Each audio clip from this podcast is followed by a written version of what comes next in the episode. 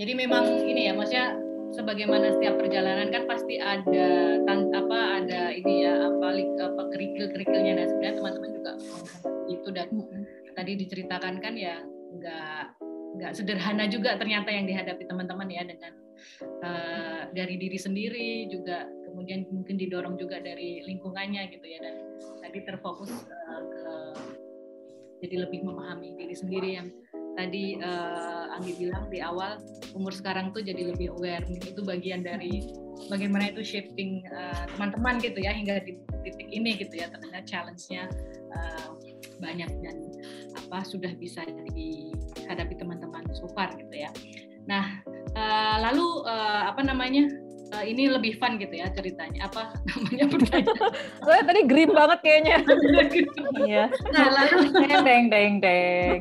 Ada soundtracknya nah lalu sebenarnya kalau uh, apa sih apa sih yang justru bisa dilakukan oleh teman-teman ketika uh, single gitu ya ketika sendiri hmm. gitu ya? Ada hal-hal menarik yang uh, bisa dilakukan teman-teman justru ketika sendiri? Dan hmm, apa sih yang mungkin sebenarnya apa sih yang di yang hilang gitu ya menurut teman-teman gitu? Mudah-mudahan ini malah bukan semakin grim ya tapi menyenangkan. Tapi apa sih sebenarnya gitu ya? Uh, oh. bisa apa aja? Kalau aku sih ya uh, apa namanya kayaknya kalau dulu dulu sendirinya lebih lama pasti kayaknya juga bisa melakukan banyak hal gitu melakukan hal-hal yang dulu mungkin bisa aku lakukan itu baru ketika umur segini uh, sempat juga kadang membayangkan kalau dulu nggak langsung apa punya keluarga mungkin aku bisa apa explore lebih uh, lama gitu ya. Uh, hmm. Tapi kadang karena itu perjalanan orang beda-beda juga. Sekarang aku kayaknya juga bisa catch up itu walaupun di usia 40-an gitu misalnya yang hmm.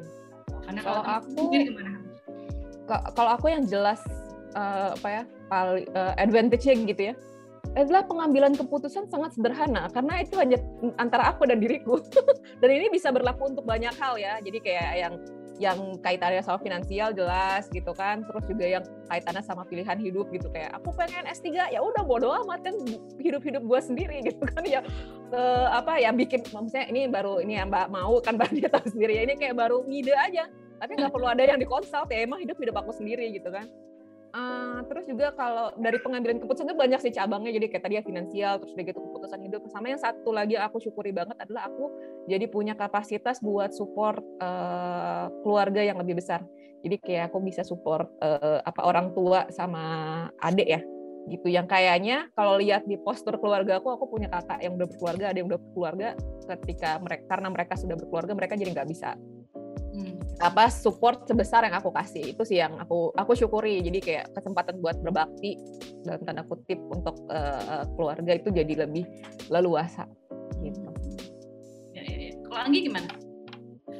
Iya, um, yang jelas aku nggak butuh alasan untuk melakukan apa yang aku suka. Jadi kayak kayak aku nggak punya boundaries apa pun atas pilihan bener sama kayak yang tadi Sali bilang mirip-mirip gitu ya. Jadi uh, semua keputusan aku itu uh, hanya karena aku gitu, hanya karena aku dan keluarga ya maksudnya ibu dan adikku kalau aku ya konteksnya juga. Terus yang jadi simple thing sih, misalnya uh, hal-hal yang aku syukuri ya tanpa bermaksud kemudian mem merendahkan atau menegasikan kehidupan berumah tangga gitu ya. Tapi misalnya simple things misalnya aku bisa lebih fokus dengan uh, beberapa pekerjaan. Karena aku suka bekerja jelek banget ya kata-katanya aku suka bekerja. Gini aku tuh merasa kayak uh, kalau aku merasa kayak if I not feel content di satu tempat aku akan cari uh, resource lain gitu loh. Jadi kayak dari dulu ini sebenarnya kesalahan yang kemudian nggak boleh dilanjutin tapi aku yakin aku nggak mungkin bisa melakukan ini kalau aku berkeluarga. Artinya aku punya cabang-cabang pekerjaan gitu. Misalnya aku bisa eh, pekerjaan yang uh, rutin pekerjaan yang uh, sangat meaningful pekerjaan yang apa yang apa gitu. Project-project banyak project yang aku yakin nggak uh, mungkin bisa aku lakukan ketika uh, bukan nggak mungkin ya tapi akan sangat banyak pertimbangannya. Gitu sih gitu. Dan mungkin aku bukan tipikal orang yang kalau aku punya keluarga inti nantinya aku mau melakukan itu gitu karena uh, it takes a ya physically, emotionally gitu kan.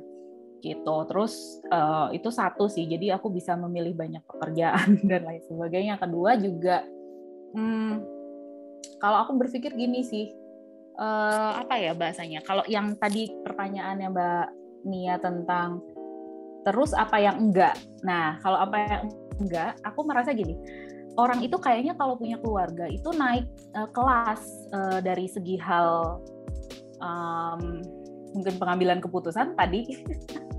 Which kalau biasanya ya udah semua ya udah gue mau terjun ke jurang terjun ke jurang nih gue sendiri gitu kan. Sementara kalau misalnya apa namanya punya keluarga tuh kan kayak dia harus punya beberapa macam pertimbangan dan kenaikan kelas itu yang sebenarnya aku harapkan juga gitu karena uh, pasti tantangannya berbeda uh, wahananya berbeda gitu yang aku yakin uh, mungkin memang belum belum bisa aku rasakan sekarang gitu Cuman kadang-kadang aku sering bertanya sama diriku sendiri, emang lu yakin kalau lu punya keluarga lu bisa kayak gitu? Lu bisa dengan semua ambisi-ambisi dan mimpi-mimpi lu tuh uh, fit dengan semuanya gitu. Nah, tapi kan masalahnya kan ya lu bisa banget, tapi ketika udah punya keluarga kan kamu compromise kan gitu dan compromise with other people itu menurutku salah satu skill yang aku ingin miliki gitu yang memang mungkin sekarang belum sampai sana, belum dikasih rezekinya kalau menurut Sali untuk dapat si pelajaran itu tuh gitu. Jadi jadi ada ada kelebihan dan kekurangannya ya gitu. Hmm. Aku mungkin mau nambahin uh, uh, mau nambahin Mbak Jadi uh, kalau aku juga yang aku rasain ya, ini kayak refleksiku menjadi 30-an selama setengah dekade terakhir ini. Uh, juga ada gini, keputusan-keputusan yang tadinya kita pikir itu harus dilakukan sebagai keluarga tapi ternyata enggak. Mm-hmm, bisa dilakukan ya. sebagai sendiri sebagai, as a single. Uh, sebagai individual aja gitu. Kalau di aku kasusnya adalah ngambil KPR. Jadi aku tuh dari dulu tuh nggak pernah mau ngam, kayak selalu menunda ngambil KPR dengan uh, apa namanya dengan konsep bahwa mendingan nanti aja kalau udah double income oh. kita bisa apa op buat uh, apa namanya pagu yang lebih tinggi karena udah digabungin pendapatannya. Ya, ya. Nah, terus ternyata nggak perlu tuh nunggu buat uh, apa namanya nikah buat bisa ngambil KPR uh, dan nggak perlu nunggu buat uh, apa double income buat uh, bisa apa uh, eligible untuk KPR di pagu yang dimau gitu. Jadi itu juga yang kayak aku ngerasa ya tapi nggak juga only if I did this sooner nggak juga kayak gitu. Cuma ternyata tuh ada juga ya oh tanda tangan akad sendirian tanda tangan akad iya. sendiri ya nggak apa-apa juga gitu jadi uh, apa namanya uh, banyak satu ternyata banyak juga yang udah melakukannya lebih awal dari aku gitu. Uh, cuma ya ternyata ya kalau emang jadi pesan saya kepada uh, perempuan-perempuan single di luar sana saya. yang mau KPR tapi nunggu double income kalau misalnya sebenarnya udah mampu-mampu aja mulai duluan mulai aja deh. Gitu. Ya, ya, ya, ya, ya. oke oke menarik ya. Jadi kalau aku pikir-pikir dari tadi itu mendengarkan cerita teman-teman itu kan sebenarnya gini ya uh, apa namanya ada pekerjaan atau karir gitu ya, ada sekolah, ada keluarga. Ini kan sebenarnya sesuatu hal yang sama. Itu harus ya. di manage, itu harus di leading gitu ya. Maksudnya kita harus uh, punya kemampuan leadership juga bahkan di keluarga walaupun kita mungkin katanya ada kepala keluarga tapi kan as apa uh, members of the family ibu atau apa istri kan ya sama aja sebenarnya itu apa ruang-ruang bersama yang perlu dikerjakan bersama sama halnya ketika kita kerja gitu ya apalagi apa namanya uh, Anggi tadi kerjanya di banyak tempat pasti itu exercise untuk managing untuk leading itu kan banyak banget sebenarnya ya cuma mungkin yang berbeda ini tuh siapa ah, dengan siapa sih gitu ya apa namanya mungkin sense uh, itunya yang berbeda mungkin keterikatannya mungkin beda yang itu mungkin membuat keputusan pengambilan keputusannya jadi agak uh, berbeda walaupun prinsip pengambilan keputusannya sebenarnya sama aja. Benar-benar mbak. gitu-gitu ya. Iya. Aku jadi ingat soalnya. Jadi waktu pas aku belum 30-an nih, aku tuh pernah skydiving di uh, waktu aku uh, dapat conference ke Swiss.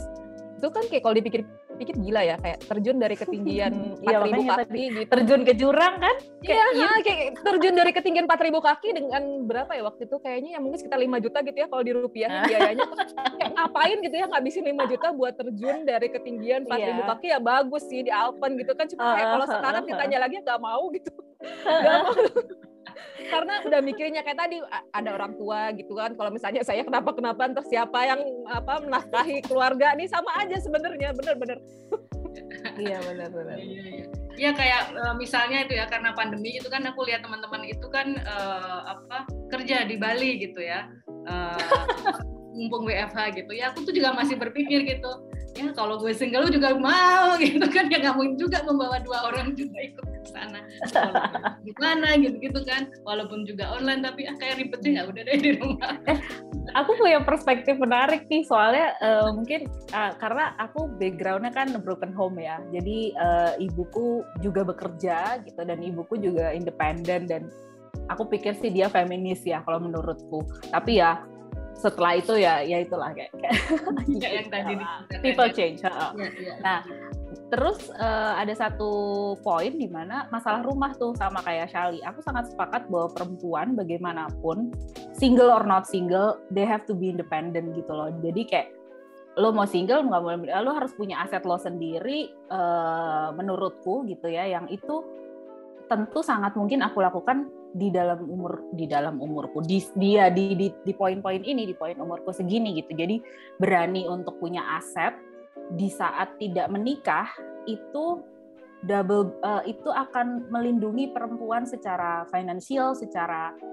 um, independensi gitu. Dari dari finansial karena uh, kok jelek banget kata-kata independensi independen secara finansial. Karena ibuku nih misalnya ya aku kasih contoh dia independen sekali, namun dia uh, menikah gitu dan dia membeli aset-asetnya di saat pernikahan dan uh, hukum pernikahan kan agak gitu ya, gitu kan ketika ada dalam pernikahan maka itu menjadi harta gono gini dan lain sebagainya dan sebagainya.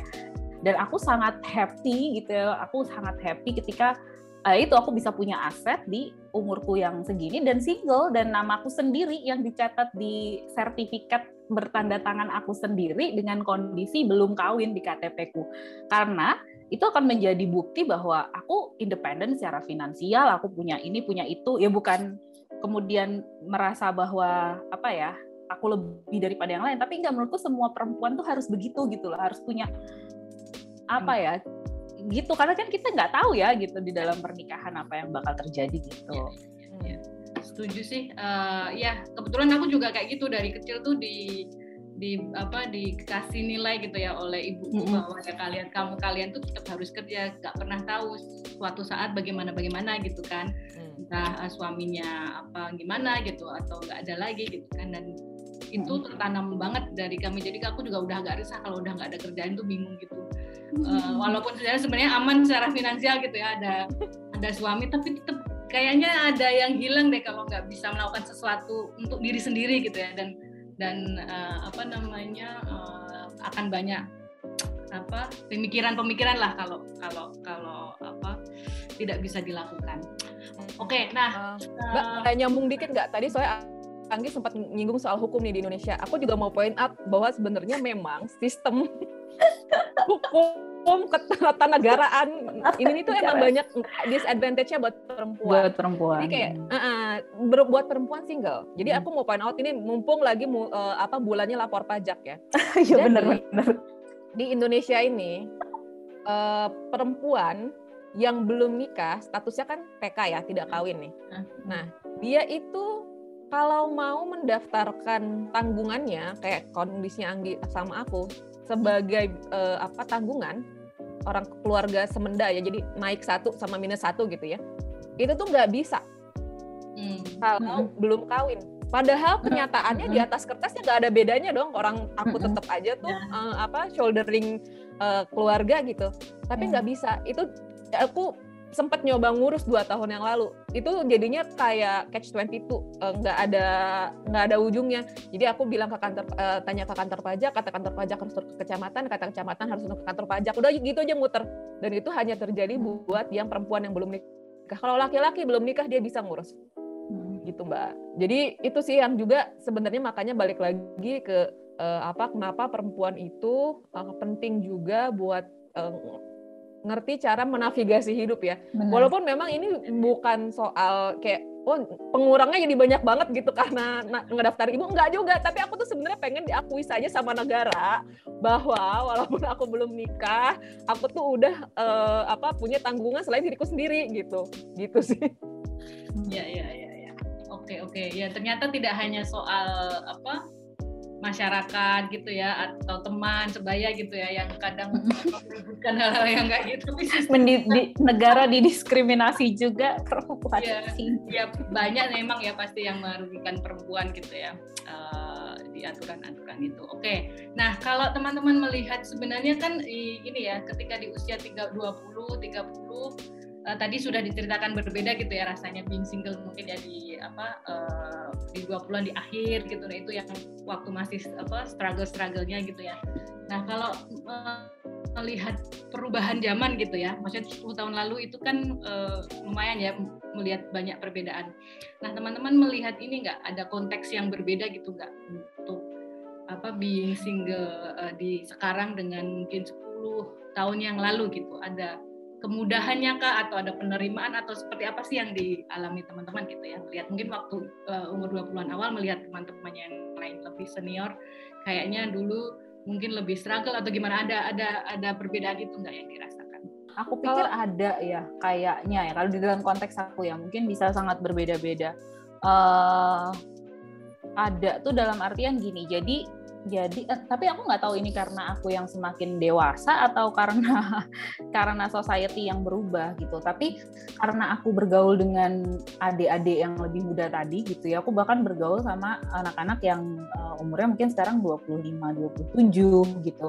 Uh, maksudnya mungkin masih bekerja bersama mereka gitu dan juga bersama orang-orang yang lebih tua di 40-an 40-an ke 50 gitu ya itu mulai mulai memang antar generasi itu agak berbeda sih. Kalau yang 40-an 50 mereka masih stick the point bahwa ya perempuan seharusnya menikah di umur-umur segitu. Tapi di adik-adikku ini mereka sudah tidak lagi masalah dengan status gitu. Jadi yang dilihat itu bukan bukan uh, status tapi emang apa sih yang lo kerjain, gimana cara lo kerja? Gitu kan. Terus uh, komunikasi uh, selama itu baik dan selama kita apa uh, berteman dengan dan juga lebih ini sih mbak ya kalau menurutku.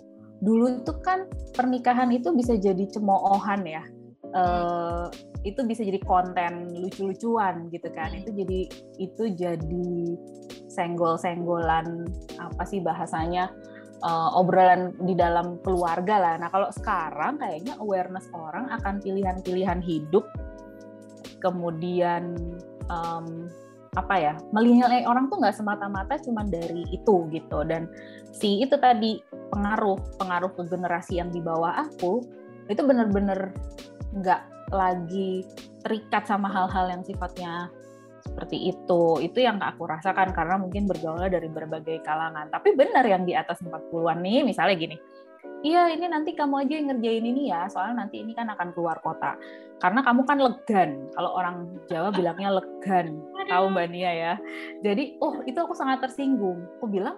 Oh maksudnya legan apa gitu? Yo kowe kan urung duwe tanggungan. Kamu kan belum punya tanggungan. Loh apa yang kamu sebut sebagai tanggungan? Misalnya merefer omongan Sali tadi gitu ya. Ya aku punya ibu aku punya adik yang aku tanggung aku punya diriku sendiri sebagai tanggungan. Kayak why I?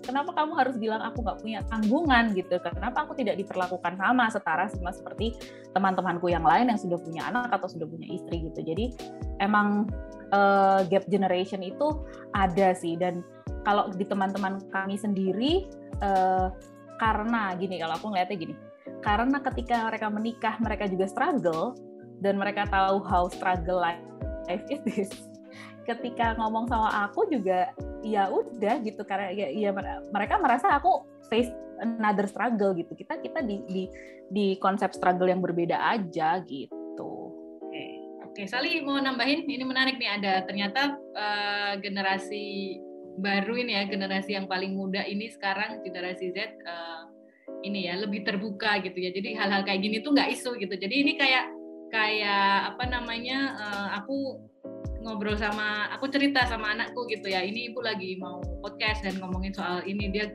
emang itu isu ya bu? Ya kayak gitu dia sudah ya kan? Ya, bener kan? betul ya iya. makanya mau cerita itu ini bukan bukan anyway kalau Sally gimana? Iya, jadi aku jadi inget sih waktu pas aku umur 20-an uh, di kerjaanku yang pertama tuh, jadi aku masih 20-an awal gitu ya. Aku tuh punya uh, peers yang mereka tuh umurnya 20-an akhir atau 30-an awal dan belum nikah. Nah, itu sama sih. Jadi kita nggak pernah cukup tega buat ngomongin itu di depan mukanya, tapi kita uh, bergo, bergunjing di belakang kayak eh si Mbak itu kenapa belum nikah ya gitu kan. Atau kayak eh si Mbak itu dekat sama suami orang yang kayak gitu kan. Nah, cuma memang mungkin kalau aku ngelihatnya sekarang orang yang sama tuh masih belum masih uh, single aja dan kayaknya sekarang tuh udah bisa ngelihatnya dengan dengan frame yang yang baru gitu kayak ya kan toh dia sehat-sehat aja, dia bahagia-bahagia aja, terus ya nggak apa-apa juga dong gitu dia menjalani hidup yang dia lagi jalanin sekarang gitu kan. Uh, gitu sih. Kalau aku mungkin nggak punya privilege kayak Anggi yang punya akses ke generasi apa namanya ke generasi Z uh, yang muda-muda.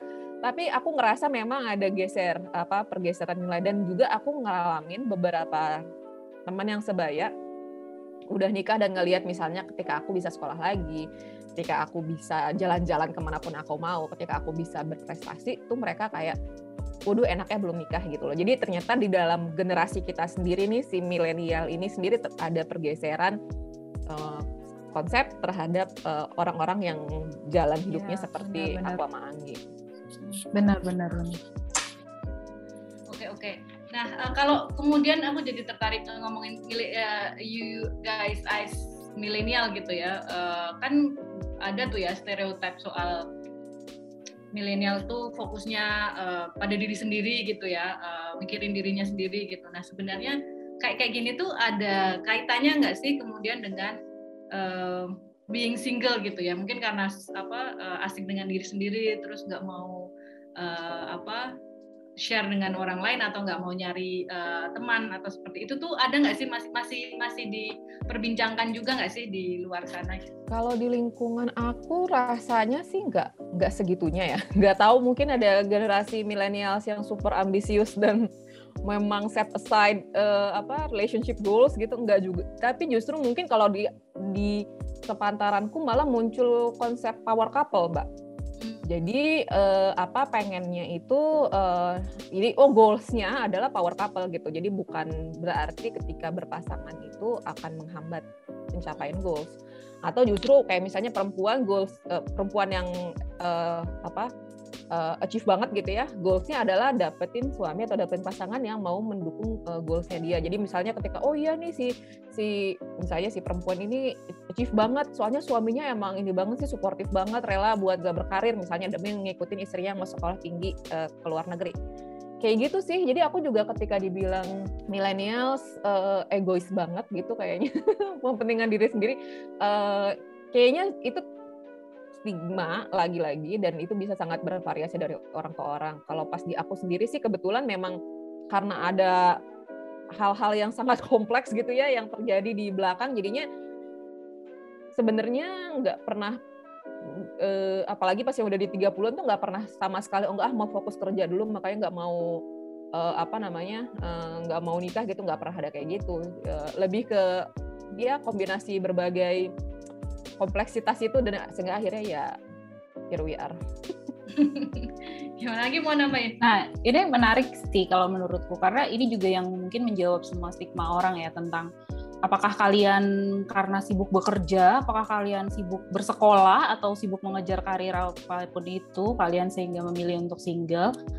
Aku sih eh, perspektifnya aku tidak memilih si uh, gini, single adalah peranku sekarang gitu ya. Kalau ada pilihan untuk menikah, aku bisa memilih menikah gitu, bisa memilih menikah dan uh, apa namanya uh, untuk for your information gitu ya, aku bukan orang yang menutup diriku dari laki-laki, I hate laki-laki gitu kan enggak gitu. Karena itu me, uh, misalnya apa me, uh, menghambat karir aku dan lain sebagainya. Aku justru sangat terbuka. Ya tadi aku cerita aku install aplikasi, aku bertemu dengan banyak orang gitu. Bahkan aku sangat terbuka untuk dijodohi, jadi jodoh kan dijodohkan gitu dijodohkan uh, bisa beberapa kali jodohan tapi nggak ada yang jadi gitu-gitu loh jadi sebenarnya uh, apa ya namanya ya ini peran aku lagi single tapi aku bisa memilih memilih bersama nah poinnya yang perlu digarisbawahi adalah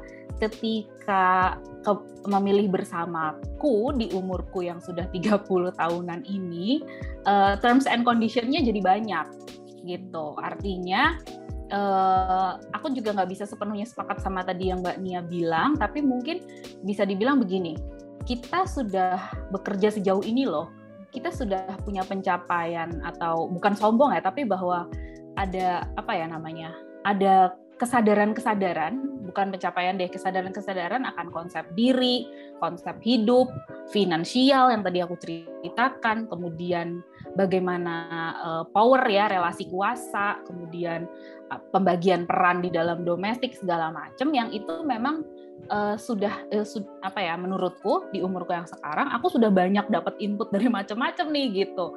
Sehingga aku bisa punya satu konsep yang itu memang um, apa if apa kalau aku bisa dapat couple eh dapat couple kalau aku bisa being couple gitu aku ber, punya harapan uh, aku tetap punya diriku sendiri tapi aku juga bisa berbagi sama orang ini gitu. Jadi memang bagaimanapun menurutku milenial ini jadi punya standar couples yang kayak, kayak tadi Sally bilang gitu kan ada power couples kemudian pembagian peran yang seperti itu gitu yang jelas kalau aku kurasakan karena perjalanan kehidupan dan uh, pengetahuan-pengetahuan dan um, gitulah demokratisasi di dalam relasi gitu-gitu ya gitu yang itu jauh lebih besar gitu ininya sekarang gitu ya. Ya menarik ini uh, Anggini jadi ya relationship di titik mana pun gitu kan ya kan pasti memang mm -hmm. harus ini apa namanya saling apa menerima apa yang di apa apa yang apa or, apa teman apa uh, pasangannya gitu ya apa pun itu tadi umur 20, 30, 40, 50 sama aja gitu kan ya. Nah, karena kedewasaannya juga berbeda tiap orang ini ya bahkan mungkin bukan soal generasi gitu ya. Pengalaman hidup tiap orang berbeda ya uh, ya itu nanti yang memang harus di apa dihubungkan gitu ya ada interaksi-interaksi di situ. Nah, terus aku jadi tertarik tadi kan ada soal apa eh, kebetulan teman-teman ini perempuan gitu ya dan tadi ada batasan-batasan baik secara sosial dan uh, apa hukum juga gitu ya. Nah, kalau teman-teman melihat teman-temannya yang 30 tapi laki-laki dan masih single itu apakah mengalami hal yang sama gitu? Mungkin harusnya aku nanyakan ke yang beneran gitu ya, laki-laki umur umur 30 dan masih single gitu. Tapi kalau dari teman-teman sendiri gitu ada perbedaan nggak sih mereka diperlakukan apa ditanyain juga nggak sih oleh masyarakat? Gitu? Sama nggak sih nasibnya gitu? Mas-mas yang masih single di usia 30-an. Let me think masih ada atau enggak ya, Mbak? ya, itu exactly my comment sih, Mbak. Kalau kalau masih ada mungkin saya sama Anggi sudah ini ya, sudah menyasar. Exactly. tapi gini, tapi gini, Mbak, yang aku perhatiin nih, uh, apa namanya yang juga gini kalau perempuan umur 30-an belum nikah itu stigmanya oh ketinggian sekolahnya hmm, ya. sama uh, gila karirnya ya. kalau yang laki-laki kalau yang laki-laki stigmanya tuh adalah gay Oh iya, oh, iya, iya. Exactly. Jadi tuh itu. makanya jadi mereka menghadapi the entire entire different iya. inilah uh, social structure gitu ya, yang Benar. juga kayak nggak nggak bisa berdiri di, di apa di, di sepatu apa pakai sepatunya dan coba merefleksikan gitu. Tapi memang yang tadi Anggi bilang soal belum nikah dan makanya jadinya harusnya bisa masuk pas weekend hmm. uh, apa namanya uh, okay. masuk pas weekend Dikirim atau keluar, keluar kota. kota. Nah itu tuh balik lagi ke kultur ke kultur apa namanya ke kultur organisasinya kali ya Mbak ya. Jadi ketika memang cukup egaliter gitu ya atau kayak uh, ya maksudnya eh, apa uh, equality gitu ya nilai-nilai yang dianut dalam organisasinya aku sih nggak uh, belakangan hampir nggak pernah ngalamin yang kayak gitu.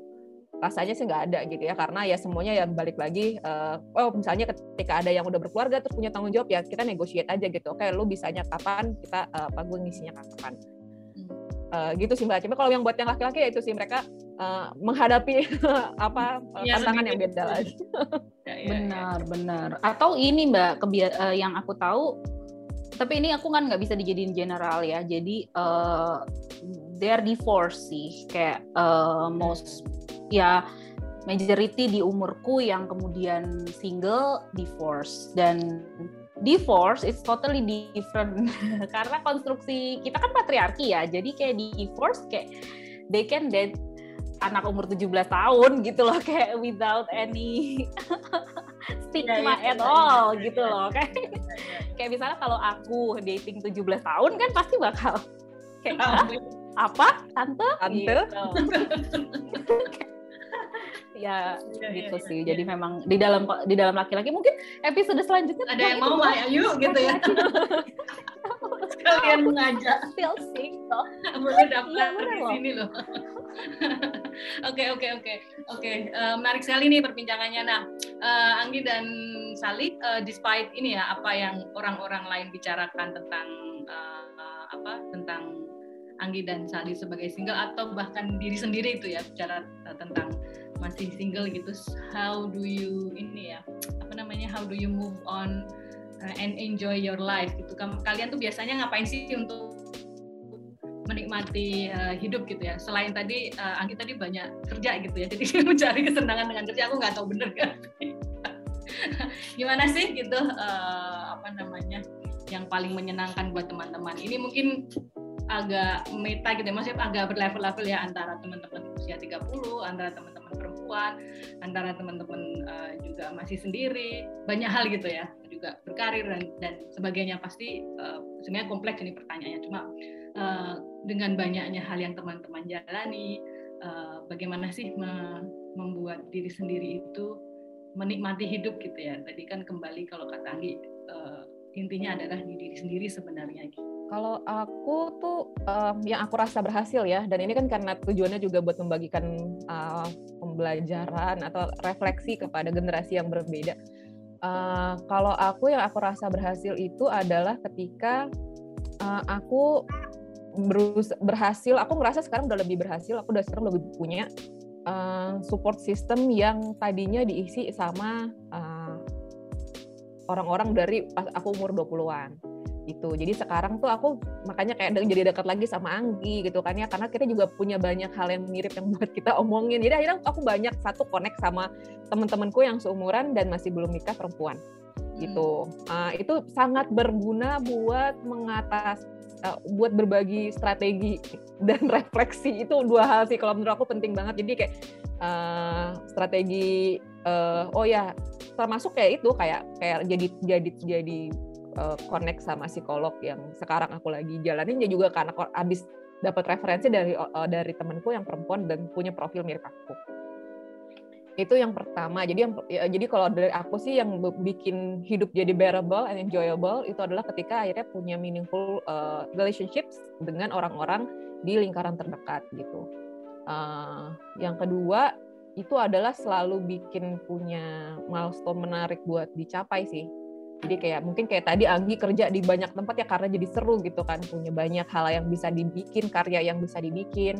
Kalau aku sekarang jadinya kayak bikin-bikin milestone yang uh, apa namanya oh ya nanti aku mau kayak gini habis ini aku tahun depan mau kayak gini dan itu nggak harus nunggu uh, dan itu kayak bisa terjadi bisa juga nggak terjadi. Misalnya kayak tadi kan kayak oh tiba-tiba abis ini aku kata ketemu orang cocok banget dan akhirnya aku nikah gitu ya ya nggak apa-apa juga. Itu selalu selalu menyenangkan untuk punya rencana alih-alih membiarkan masa depan tersandera sama ketidakpastian gitu kan jadi kayak ya udah nggak apa-apa biar aja kita punya rencana menyenangkan yang aku seneng apa gitu kan misalnya aku seneng aku seneng punya karya gitu ya udah aku aku bikin aja gitu uh, rencana buat punya karya be or uh, be with someone or not uh, in a relationship with anyone itu masih tetap bisa aku uh, capai gitu sih mbak Nia kalau dari aku Anggi gimana?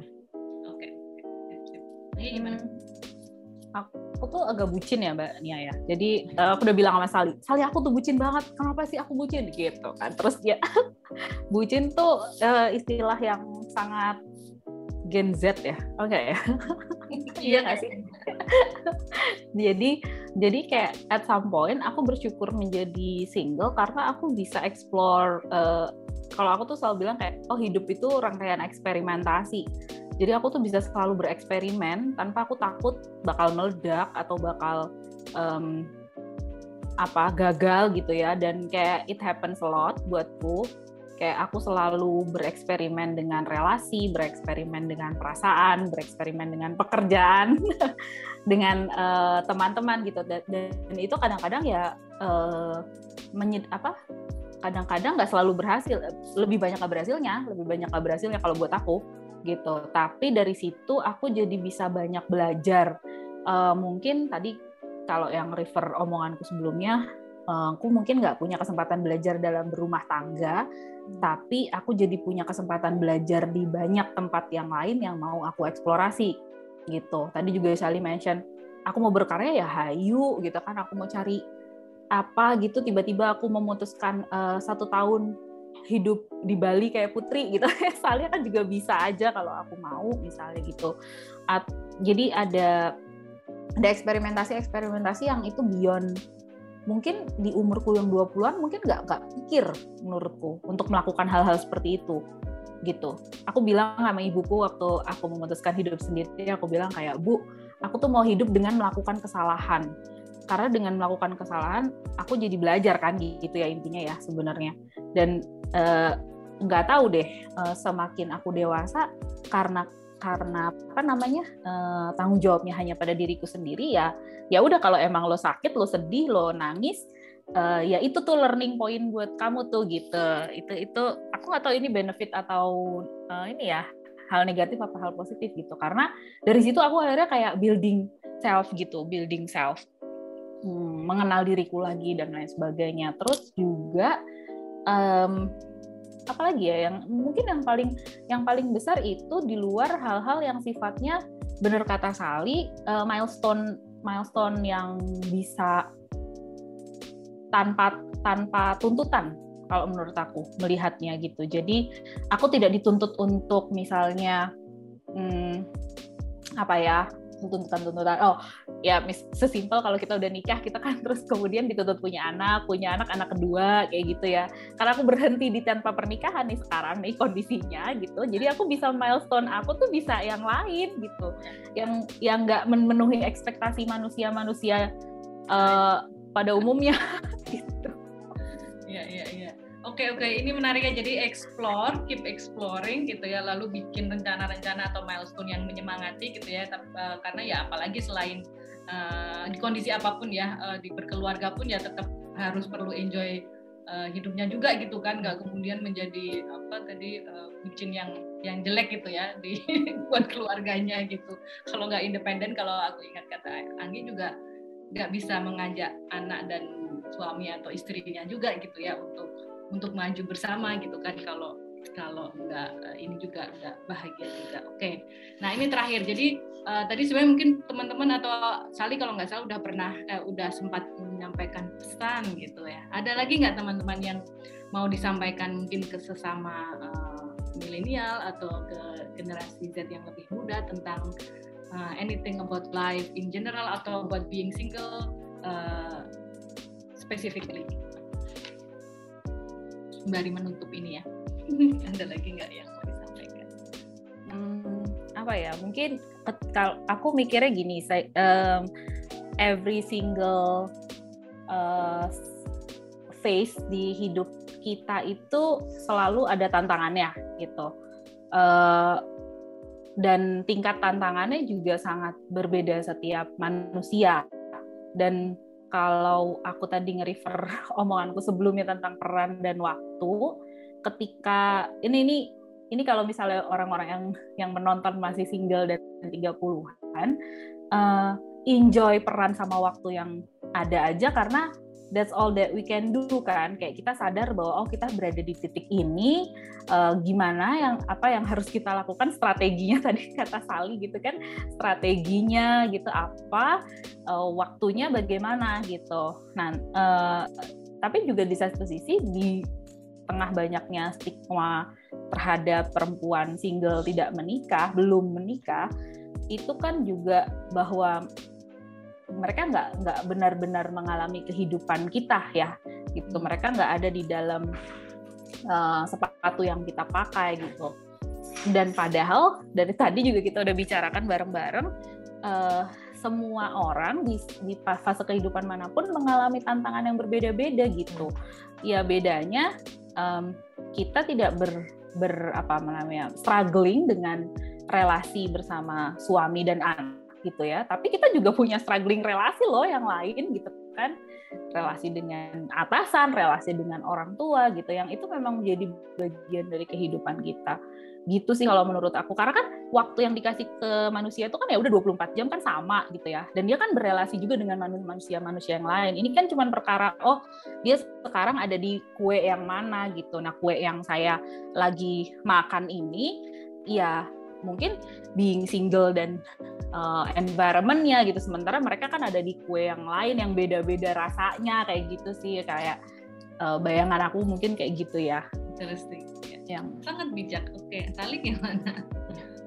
Iya, uh, mirip sih. Kayak itu selain yang tadi udah aku apa, yang udah aku share juga gitu aku uh, mengaminkan yang tadi Anggi bilang soal bahwa tuh semuanya itu peran aja dan semuanya itu tuh udah lengkap gitu ya di peran mana pun itu gitu. Jadi uh, soalnya aku rasa penerimaan terhadap status uh, diri itu tuh muncul ketika punya kesadaran bahwa apa pun itu kita tuh udah konten gitu ya kita nggak nggak perlu orang lain untuk jadi konten Uh, dan ketika ada orang lain yang uh, apa namanya, uh, ketika bisa ada dalam satu hubungan dengan orang lain, ya itu itu konten yang beda lagi gitu ya. Benar. Jadi benar. ya itu itu itu memang karena menjalani role yang beda lagi gitu. Jadi ketika aku ngerasa dia aku, aku bisa bisa bisa ngomong kayak gini uh, di di forum ini ya juga karena aku udah menjalani fase itu gitu, fase